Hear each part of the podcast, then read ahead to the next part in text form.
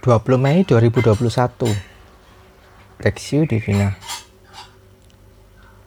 Wahyu 9 ayat 1 sampai 6 Lalu malaikat yang kelima meniup sangkakalanya dan aku melihat sebuah bintang yang jatuh dari langit ke atas bumi dan kepadanya diberikan anak kunci lubang jurang maut.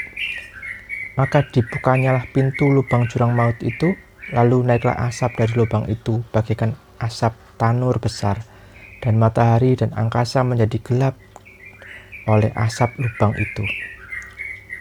Dan dari asap itu berkelu berkeluaranlah belalang-belalang ke atas bumi dan kepada mereka diberikan kuasa sama seperti kuasa kala jengking kala jengking di bumi.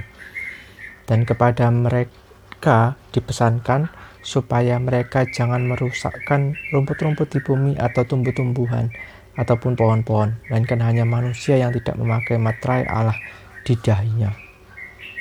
Dan mereka diperkenankan bukan untuk membunuh manusia, melainkan hanya untuk menyiksa mereka lima bulan lamanya. Dan siksaan itu seperti siksaan kala jengking apabila ia menyengat manusia.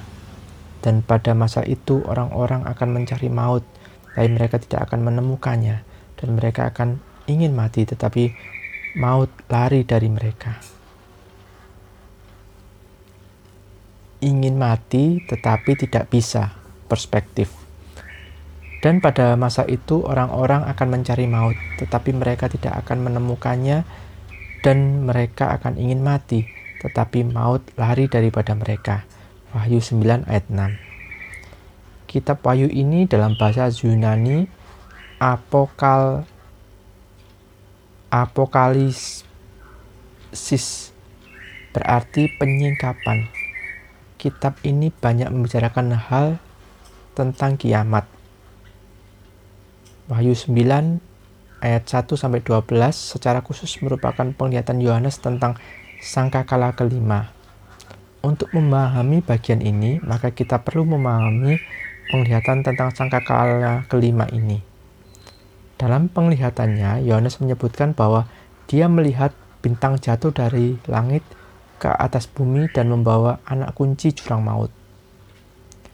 Dalam literatur apokaliptik Yahudi, intertestamental dan beberapa penafsiran menyebutkan bahwa bintang jatuh ini merujuk pada malaikat yang telah jatuh dari langit. Kunci memiliki arti otoritas sedang kata jurang maut menunjuk pada tempat orang mati. Para rabi mengatakan tempat ini adalah tempat bagi malaikat yang jahat dan orang-orang jahat.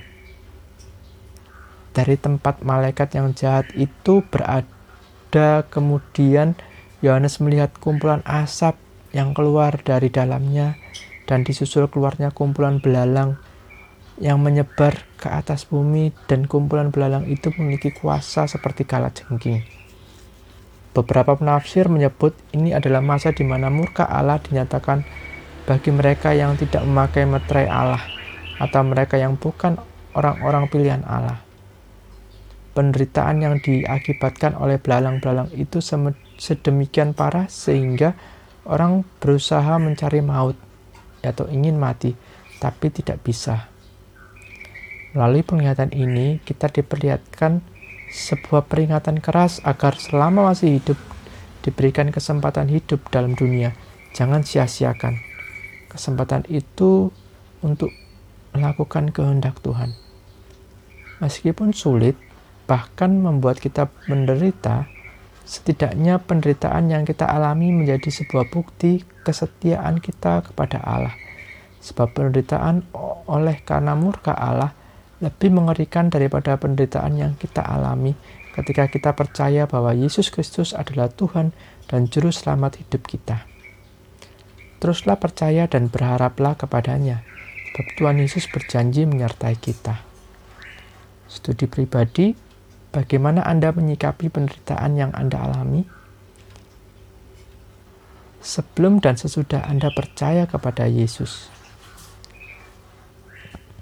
Pokok doa, doakan agar iman percaya kita diteguhkan di dalam Kristus. Meskipun banyak mengalami penderitaan oleh karena mengikut Yesus, kita boleh tetap setia dalam iman kita kepadanya.